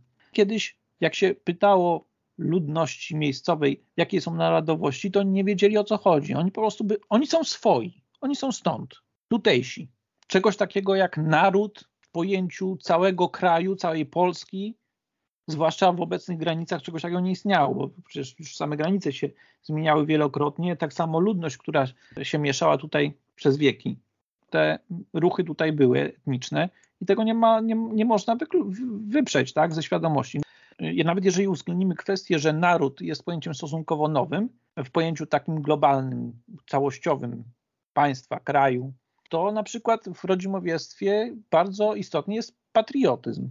Patriotyzm w pierwotnym, rzeczywistym jego znaczeniu, czyli jako rozumianym jako uszanowanie dla własnej kultury, języka, poszanowania tradycji, przez to rodzimowierstwo jest atrakcyjne dla politycznych rozgrywek właśnie tych skrajnie prawicowych, co nie powinno mieć miejsca. Trzeba to sobie wyraźnie podkreślić, czym innym jest nacjonalizm, a zupełnie czym innym jest właściwie rozumiany patriotyzm, który jest czymś pozytywnym i dla większości z nas naturalnym. Myślę, że to rozumiem. Wiesz, ja patriotyzm też miałem odnotowany tutaj. W, mam, mam go w swoich notatkach przed sobą. Nie, nie doszedłem do tego, bo sam ten temat wywołałeś, także to też jest kolejny ważny e, aspekt tego, jak można go definiować w taki bardzo naturalny, powiedziałbym, sposób. A zmierzając do, do końca, pytanie żerca, czyli kapłan. Jaka jest rola żercy w obrzędach, które dzisiaj są odprawiane, kultywowane? Nie wiem, jak, jakiego słowa tutaj użyć, żeby to było jak najbardziej na miejscu. Najbardziej powszechną rolą to jest przede wszystkim, jak sama nazwa wskazuje, żerca, czyli składanie żertwy, czyli ofiary, ofiary. Mhm. bogom, okay. duchom przodkom, duchom miejsc. Ale oczywiście, jeżeli bym się tylko do tego ograniczył, to byłoby to znacznie spłycenie, spłycenie tematu, ponieważ żerca przede wszystkim był właśnie nośnikiem pewnej wiedzy, którą miał przekazać kolejnym pokoleniom. E, należy sobie uświadomić, że e, Słowianie, nawet jeżeli wiedzieli i znali pismo, to sami się nim nie posługiwali. Zresztą nie oszukujmy się, we wczesnym średniowieczu mało kto znał pismo, a jeszcze tym bardziej posługiwał się nim w sposób biegły. Jeżeli dobrze prześledzimy historię, to jeszcze wiek albo dwa temu większość społeczeństwa była po prostu analfabetami, więc no nie trzeba sięgać aż tysiąc lat, wystarczy się cofnąć ze 100 czy 200 lat. Natomiast y, powszechna była, co obecnie jest y, niedoceniane, powszechna była kultura oralna, czyli przekazywanie właśnie treści pewnych przekazów, mitów, tradycji sposobem ustnym z pokolenia na pokolenie. I właśnie między innymi szercy, czy też wołchwowie, bo taka funkcja e, kapłańska funkcjonowała z kolei na wschodzie, byli tymi nośnikami informacji. Można powiedzieć, że byli żywymi książkami. W tym y, przekazie są te bezpośrednie odniesienia do natury? Trudno mi się odnieść tutaj konkretnymi słowami. Ja wolę operować w tym momencie przykładem. Przykładami? Proszę bardzo. Tak. One są bardziej, wiesz, to, bardziej czytelne. Tak. Dawaj, no, jeżeli masz na przykład ogień ofiarny, który jest pośrednikiem, jest y, jeden z podstawowych żywiołów, ale jest jednocześnie dla Słowian pośrednikiem między składaną ofiarą a bóstwami świata górnego, które, gdzie, gdzie ogień poprzez wznoszący się do góry dym przekazuje to, co zostało do tego ognia złożone w ofierze. Czyli bardzo symboliczna kwestia. Z tego na przykład względu pośród rodzimowierców i Słowian ogień był też y, darzony szczególnym szacunkiem. Nie godziło się na przykład wyrzucać do ognia nieczystości, zalewać go brudną wodą, jakieś śmieci w nim palić, tym podobnych rzeczy. Jest to coś, co, co dla nas jest naturalne. To samo z wodą. Woda, no tym bardziej, bo jest, y, znaczy woda Woda czysta jest życiem, a woda zanieczyszczona niesie nieszczęścia, choroby i tym podobne rzeczy. Okay. Bo to też trzeba mieć świadomość, że w religii rodzimej słowiańskiej wszystko ma swoje, nie chciałbym użyć określenia dualizm, bo to nie o to chodzi, ale... ale właśnie chyba dualizmu nie było jako takiego. No właśnie, właśnie dualizmu ja, ja tak jako, rozumiem, jako takiego nie było, to bardziej było jako pewne e, ukierunkowane pewne siły o, o przeciwstawnych y, ładunkach. Dokładnie, ale czyli nie było dobre i złe, czarne i białe. Tak, no było to dość e, mocno relatywne. Natomiast wracając do Twojego pytania, no mamy też główne bóstwo Swaroga, którego atrybutem było życiodajne słońce. Mamy bóstwa, które był, które, którym przypisywano na przykład atrybut, wiązano je z wiatrem albo z wodą. E, na przykład Mokosz, matka wilgotnej ziemi, rodzicielka. Mhm. Mamy Peruna oczywiście, który, którego atrybutem jest piorun, wyładowanie elektryczne, które dla nas obecnych znamy zjawisko, jak, jak powstaje piorun, ale to nie wyklucza, że nadal to jest atrybut dla nas, że jest to atrybut Peruna.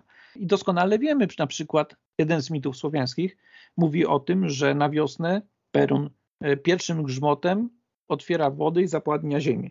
A dziś nauka potwierdza fakt, że w przypadku uderzeń pioruna ziemia jest zasilana w azot, czyli jeden ze składników e, wzmagających rozwój roślin. Czyli mamy to, co nauka dziś potrafi zinterpretować na swój sposób, a o czym nasi przodkowie intuicyjnie już wiedzieli tysiąc lat temu, co najmniej tysiąc lat temu. To się nie wyklucza. W żaden sposób. Mhm. Te bóstwa były ściśle związane z poszczególnymi aspektami natury i one były ściśle związane ze sobą. Konkretne zapisy, nawet jak są, to są szczątkowe i też należy wziąć poprawkę, że były sporządzane najczęściej przez mnichów albo podróżników, y, niekoniecznie chrześcijańskich, ale również z krajów y, monoteistycznych, którym niekoniecznie zależało na wiernym oddaniu rzeczywistości, ale mając kilkanaście jakichś tam przekazów, jesteśmy w stanie złożyć pewne rzeczy do, razem do siebie przypasować. Czyli tak. dla, dla przyrodnika y, współczesnego, który odsunie aspekt wierzeń, religii, a spojrzy na rodzimowierców jako ludzi, którzy mają w swoim DNA ogromne poszanowanie dla przyrody, bo mają je po prostu od zawsze, od pra, pra, pra przodka.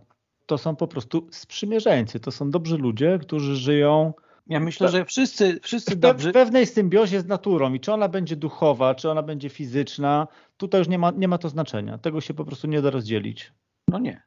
W tych trudnych czasach y, też y, pytam o to i w ten sposób o to pytam, bo, bo naprawdę szukam, szukam sprzymierzeńców, wiesz, w takim, w takim y, rozumieniu chyba też przyrody, wiesz, myślę, że to o to chodzi. Tutaj w rozmowach poprzednich też podcastowych pojawiło się to, że taki charakterystyczny krzyk żurawi, zwany klangorem, że właśnie to mamy w swoim DNA. My tutaj geograficznie, ale też kulturowo i fajnie opowiedział o tym artysta muzyk, który nagrywa dźwięki przyrody i potem sobie gdzieś tam, wiesz, wykorzystuje to w swoich kompozy kompozycjach. On y, mówił o tym, że ten dźwięk żurawi, on zawsze wiosną był tutaj obecny i nieważne, czy ty byłeś chłopem, który pracował w polu, czy byłeś panem, który siedział w pałacu, wszyscy, wszyscy to słyszeli to siedzi w nas do dzisiaj, wiesz, tak jak, nie wiem, szum potoku, czy gdzieś tam nurtu rzecznego, czy, czy, czy tego typu rzeczy. My tą przyrodę mamy. Ty powiedziałeś o tym na początku. My, my nie żyliśmy na jałowej pustyni, która była sroga. My tutaj mieliśmy, dobra matka Mokosz dawała nam to, to wszystko, co mieliśmy żyzny świat, wiesz, to, co zielony świat. To, co potrzebowaliśmy. Wystarczyło po prostu y, szanować. I wydaje mi się, że to, że te wszystkie aspekty przyrody miały swoich swoich opiekunów, swoje, swoje duchy, czy swoich bogów wręcz, a ta, a, ta, a ta przyroda, czy te jej elementy były jakimiś ich atrybutami, to po prostu przekonuje mnie do tego, jak ta przyroda wtedy musiała być ważna. Oczywiście można powiedzieć, no oni nie mieli innego wyboru, innej alternatywy, ja ci powiem, ja ci powiem inaczej. Ona oni nie, mieli innego życia. Ja ci, ja ci powiem inaczej, ona nie była ważna. Oni mieli tylko ją. O tak, dokładnie. Ona była podstawą całego życia, dokładnie, które, które znali. Tak, to tutaj się rozumiemy. To miałem na myśli. Tutaj znowu zamykając kółko, a dotykając z kolei tak zwanej ciemnej strony mocy, można powiedzieć, że bardzo niepokojące jest to, że my, mając w sobie tę naturę od prawieków i od przodków, bardzo mocno osadzoną w naszych religiach, mówię celowo w liczbie mnogiej, w naszych wierzeniach, mimo wszystko tak daleko od niej odeszliśmy. Dzisiaj, tu i teraz, że my musimy, wiesz... Ale, no ale wiesz, bo... ale na to się składa, złożyło kilka istotnych czynników. Przede wszystkim jednym z tych czynników jest właśnie to, że zostaliśmy pozbawieni naturalnego rozwoju naszych etnicznych wierzeń.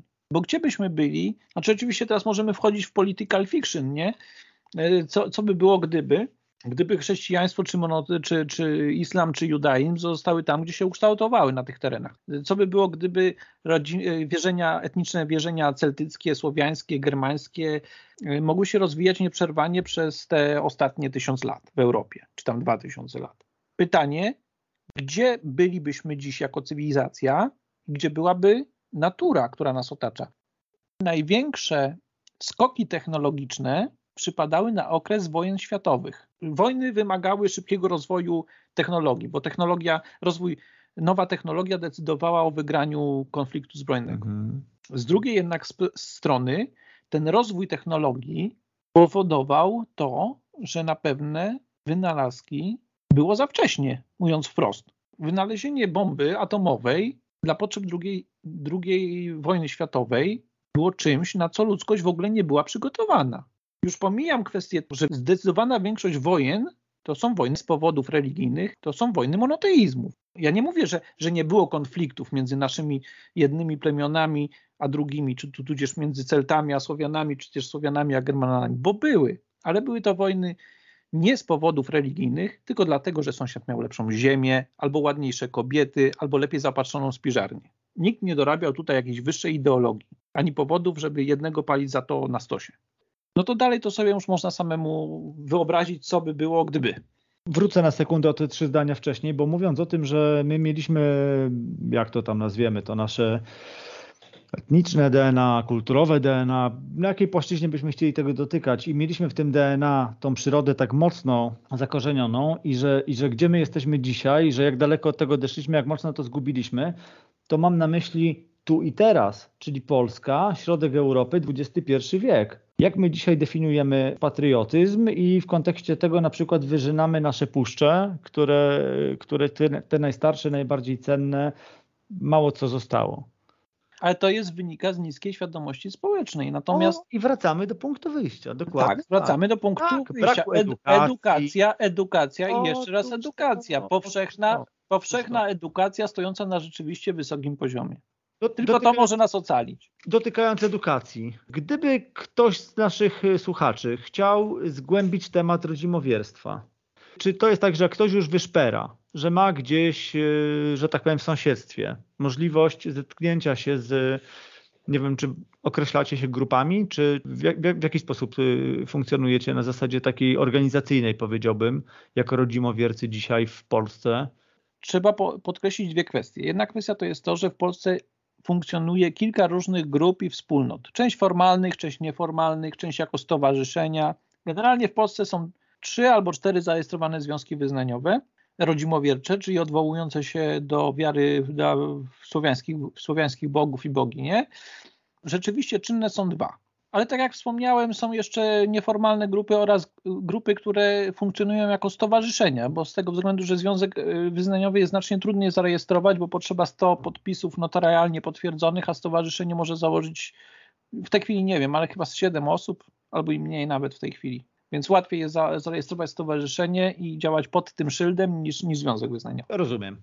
Ja proponuję, jeżeli ktoś szuka kontaktu z grupą ze swojego regionu, to przede wszystkim na Facebooku każde województwo ma swoją grupę. Wystarczy wpisać tym kluczem, tym kluczem tak. można się po prostu zbliżyć. Tak. Tam ewentualnie można pytać, szukać ludzi, y, którzy są z regionu. Oczywiście tu od razu ostrzegam. Nie każda grupa jest tym, za kogo się podaje i uczulam, żeby w pierwszej kolejności, jeżeli trafiacie na jakąś grupę, to sprawdzać, czy ma wyraźnie publicznie sformułowany statut i jak się odnosi do kluczowych kwestii. Na przykład kwestii poglądowych, jeżeli chodzi o politykę. Dlaczego ostrzegam przed tym? Bo jeżeli osoba zupełnie zielona trafi na grupę, która pod szyldem rodzimowierstwa załatwia swoje polityczne cele, to się sparzy, zrazi i więcej się już tym nie zainteresuje. Już pomijam fakt, że wchodząc w taką grupę, naraża się na pewne y, sankcje prawne, jeżeli taka grupa coś nabroi. Mhm. Dlatego ostrzegam i, i bardzo podkreślam wyraźnie, sprawdzajcie, czy grupa ma wyraźnie sformułowany statut, tudzież założenia programowe i jak się odnosi do kwestii dla nas najbardziej istotnych. To ważne. Druga rzecz, to już się odnoszę w tej chwili tylko do związku wyznaniowego, którego reprezentantem jestem, czyli jednym z zarejestrowanych związków wyznaniowych jest Rodzimy Kościół Polski. Rodzimy Kościół Polski działa od 1995 roku formalnie jako zarejestrowany związek i on ma oddziały i świątynie powołane w kilku województwach. Już oczywiście dążymy do tego, żeby przynajmniej w każdym województwie był przynajmniej jeden oddział albo przynajmniej jedna świątynia. Oczywiście Rodzimy Kościół Polski również znajdziecie na Facebooku, również ma swoją stronę internetową. Adres jest prosty rkp.org.pl. Będziemy linkować, to oczywiście podoklejam te linki. Natomiast jeszcze jedną ważną rzecz mi powiedz na, na sam koniec. Czy jeżeli przyjdą do Was ludzie, którzy będą otwarci na to? Rodzimy Kościół Polski jest otwarty, publiczny i powszechnie dostępny. Można przyjść na przykład na organizowane przez nas święta, nie będąc rodzimowiercą nawet, nawet nie, nie będąc członkiem rodzimego kościoła, ale będąc na przykład osobą, która jest, która z szacunkiem odnosi się do słowiańskiej wiary i kultury, tak? O, czyli, to. Mówiąc, czyli mówiąc, używając tego sformułowania z początku naszego, naszej dyskusji, jest, jest rodzimokulturowcem. Nikt nikomu nie zagląda w metryczkę, czy był ochrzczony, czy nie był ochrzczony, ani w to, w jakich bogów wyznaje, czy nie. Jeżeli zachowuje się godnie, z szacunkiem, no, adekwatnie do spotkania. Jak najbardziej nasze święta są otwarte, publiczne, również je można znaleźć na naszej stronie. Są zwykle zapowiadane, zapowiadane przynajmniej z miesięcznym albo kilkutygodniowym wyprzedzeniem. Również y, tworzymy wydarzenia na Facebooku, na naszej stronie związkowej RKP również ma stronę i tam są wydarzenia tworzone. Najbliższe święto Szczodre Gody w grudniu, Akurat y, jeżeli chodzi o te najbliższe obchody, no to na przykład mamy... To wypada chyba tam kilka dni wcześniej niż u, Tak, katolików, tak, nie? tak. Tam jakoś pode- podejrzewam, że tam jest 19, 20, 21 jakoś tak. Bo oczywiście tam niektóre grupy robią troszkę wcześniej, trochę później, ale to z nimi, z nimi można się kontaktować, na wydarzeniach wszystko jest. Ratomir, bardzo Ci dziękuję. To była bardzo ciekawa rozmowa. Mam świadomość tego, że w naszej rozmowie być może nie, Najwyżej Twoi- poprawimy za jakiś czas. w Twojej opinii nie do końca na przykład najważniejszych kwestii dotykaliśmy, natomiast wiesz, no ja tutaj starałem się uparcie drążyć w stronę jednak tej przyrody, która no jest dla mnie tym podmiotem najważniejszym i chciałem po, posłuchać o tym, jak to w tym aspekcie jest, ale myślę, że naświetliłeś to bardzo fajnie. Zobrazowałeś też przykładami w y, różnych kontekstach, jak te sprawy miały miejsce kiedyś, jak to wygląda dzisiaj. Ja dzisiaj mam taką swoją prywatną obserwację, nawet śledząc media społecznościowe, bo sobie podglądam kilka takich profili właśnie ludzi, którzy przybliżają poprzez jakieś stare rysunki, obrazy, ryciny, pewne święta nasze stare słowiańskie, fajnie to obrazują, fajnie to opisują i bardzo często widzę, że pod tymi wpisami odhaczają się właśnie przyrodnicy. Powiem Gdzieś tak, między jednym a drugim jakiś jest, wiesz, coś tam iskrzy, nie? pewne wspólne elementy. Jeżeli mamy wspólne cechy kulturowe z patriotami i mamy wspólne cechy z ludźmi, którzy szanują naturę, to normalne, że te środowiska, czy nawet wspólne, wspólne cechy ze środowiskami odtwórstwa historycznego, bo mamy, są Mhm. pewne wspólne cechy. Te środowiska wzajemnie się w jakimś tam zakresie zawsze prze, będą przenikać. Jest tak, że część rodzimowierców jest rekonstruktorami, ale nie wszyscy rekonstruktorzy są rodzimowiercami, tak, jak sam, tak No, samo jak nie tak, wszyscy rodzimowiercy są tak Pewnie. jak samo, jak nie wszyscy rodzimowiercy są rekonstruktorami. Dokładnie to samo dotyczy osoby, które w jakiś szczególny sposób podchodzą do natury. Wydaje mi się, że tak zwanych ludzi poszukujących, czy też odkrywających te nasze, nasze korzenie jest, jest po prostu coraz więcej. I ja To nie jest- wiem, czy te drogi muszą prowadzić do rodzimowierstwa, natomiast jest na do- pewno prowadzą do tych naszych etnicznych korzeni, w tym sensie, że my jesteśmy stąd, no i w tej części no. Europy, wywodzimy się z takiej kultury, wiesz, i to jest super, nie? I to jest super. To jest dokładnie to, o czym Ci wspominałem, że my nie nawracamy, po prostu czekamy, aż ludzie sami do nas trafią. Bardzo Ci dziękuję za tą rozmowę. Zwróciłeś mi uwagę na jeden bardzo ważny aspekt, czyli trochę bardziej trzeba otworzyć swoją głowę, myśląc o tym, co było kiedyś i jak z tego, co było kiedyś, przeszliśmy do tego, co mamy dzisiaj. Patrząc na, na chociażby rodzimowierców, w, właśnie w tym, w tym kontekście kiedyś zamocowania w przyrodzie, tego, co jest dzisiaj, co my z tamtego czasu wynieśliśmy, co, co dalej niesiemy ze sobą, nie? A, a, co gdzieś po drodze zgubiliśmy. To było super. Za to Ci bardzo dziękuję. I cóż, no wszystkiego dobrego. Dobrego czasu tych świąt zimowych. Wielkie dzięki i wszystkiego najlepszego, że tak powiem, z, nadcho- z nadchodzącymi szczodrymi godami. Mogę się pożegnać z Tobą słowem sława? Jak najbardziej. Zatem sława. Sława. Wysłuchaliście rozmowy z Ratomirem Wilkowskim. Co Wy na to, drodzy słuchacze? Czy Was też dopada czasami ten moment takiego zachwytu? Zachwytu wręcz y, obezwładniającego? To takie uczucie, które bardzo często wypływa wprost z takiej obecności, zwykłej, prostej, tu i teraz. Jak mawiał kiedyś klasyk, czy też się czasami zastanawiacie, kto lub co, jaka to siła sprawcza tak pięknie pomalowała nam ten świat? To niesamowite, że do tego zachwytu wystarcza nam bardzo często po prostu bycie, bycie uczestnikami, albo może nawet bardziej świadkami. Współcześnie cały czas próbujemy z tą przyrodą walczyć. No, może inaczej to ujmę, może e, próbujemy lepiej ją okiełznać. Nasi przodkowie też próbowali wpływać na, na przyrodę, czy, czy może w możliwym sobie stopniu dążyli do jej podporządkowania, choć robili to z nieporównywalnie większym szacunkiem niż my obecnie. Ale gdy przychodziła niemoc, uciekali się do religii, wierzeń, magii. Usilnie bowiem wierzono, że właśnie wiarą i wszelkimi praktykami magicznymi czy modlitwą człowiek jest w stanie wpływać na otoczenie. Religia prasłowian opierała się na przyrodzie, bo ludzie byli od niej w pełni zależni. O tym mówił Ratomir. Ale tu rodzi się teraz istotne pytanie: czy my dzisiaj jesteśmy w podobnej sytuacji? Czy to się zmieniło? Czy wraz z rozwojem cywilizacji i dostępnych technologii my dzisiaj umiemy uniezależnić się od przyrody? To jest kluczowe pytanie, bo zachowujemy się, oczywiście uogólniam i mówię tutaj bardziej w skali globalnej, ale my ludzie cywilizacyjnie zachowujemy się dzisiaj tak, jakbyśmy jednak umieli żyć niezależnie od, od przyrody. No, z jednej strony nie jest ona dla nas dzisiaj jakąś zagadką czy, czy tajemnicą, ale z drugiej potrafi ciągle budzić respekt, choć zdarza się to raczej tylko wtedy, kiedy nagle przypomina nam o swojej nieobliczalnej potędze.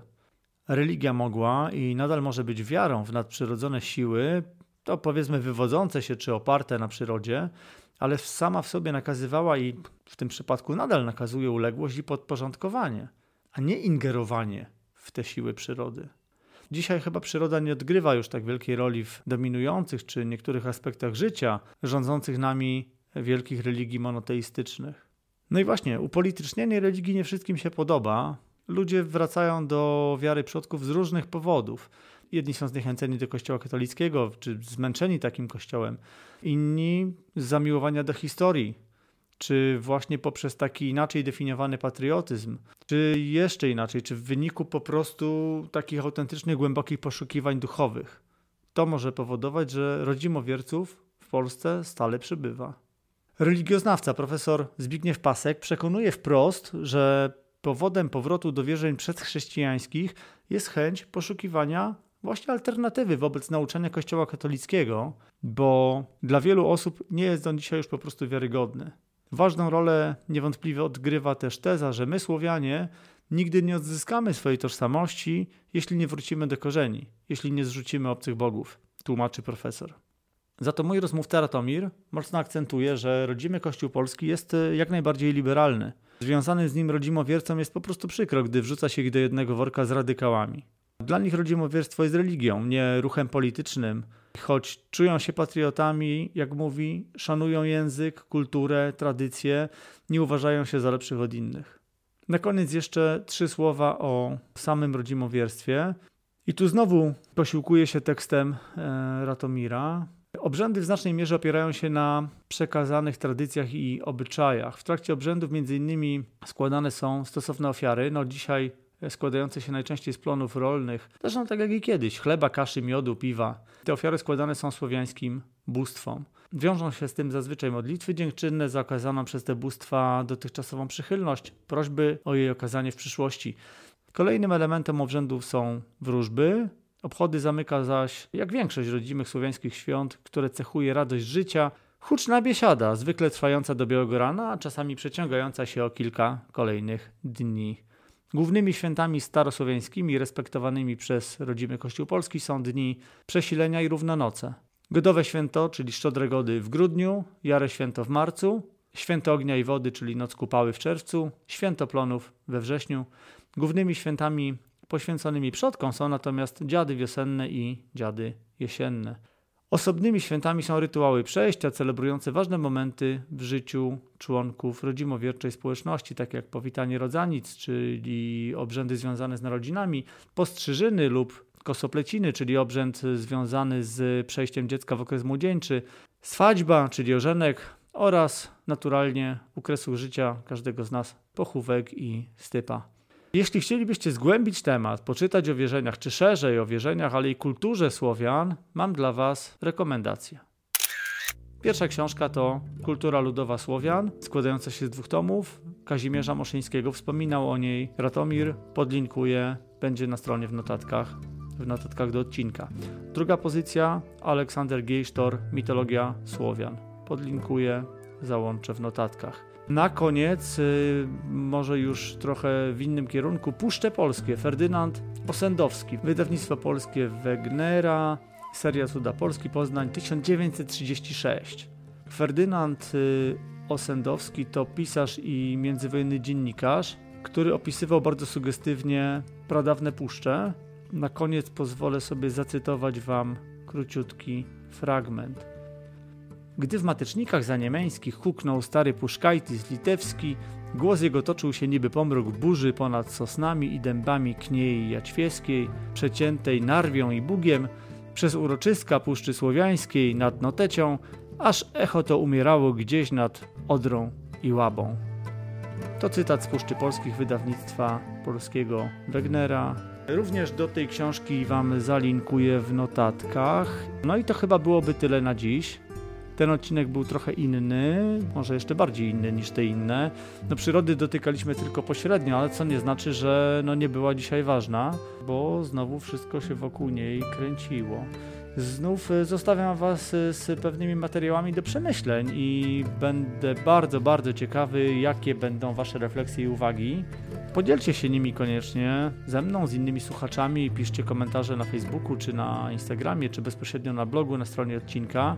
No właśnie, jaka jest wasza, jakie jest Wasze zdanie, jaka jest Wasza opinia? Gdzie dzisiaj jest miejsce przyrody w naszej kulturze i w naszych wierzeniach? W którą stronę jest nam bliżej, czy jak sądzicie, w którą stronę będzie to zmierzać wraz z tym, jak będziemy wchodzić w przyszłość, która przecież no już tylko w niedużym stopniu jest zagadkowa, bo my wiemy, w którą stronę będzie się zmieniać przyroda, w jaką stronę idzie świat. No jest to wszystko mocno zastanawiające. Jaką rolę odegra tutaj kwestia pewnej duchowości i właśnie wiary w zmianie podejścia, w zmianie po prostu naszego życia. Głęboko i refleksyjnie się zrobiło, ale to już koniec. Z tym Was zostawiam macie materiał do przemyśleń na długie zimowe wieczory. Bardzo Wam dziękuję za wysłuchanie tego odcinka. Wszystkie linki znajdziecie na stronie michałstanecki.com kośnik 046. Bardzo Wam dziękuję za słuchanie, za słuchanie kolejnych odcinków i za wysłuchanie tego odcinka. Na dzisiaj to wszystko. Naturalnie usłyszymy się już wkrótce.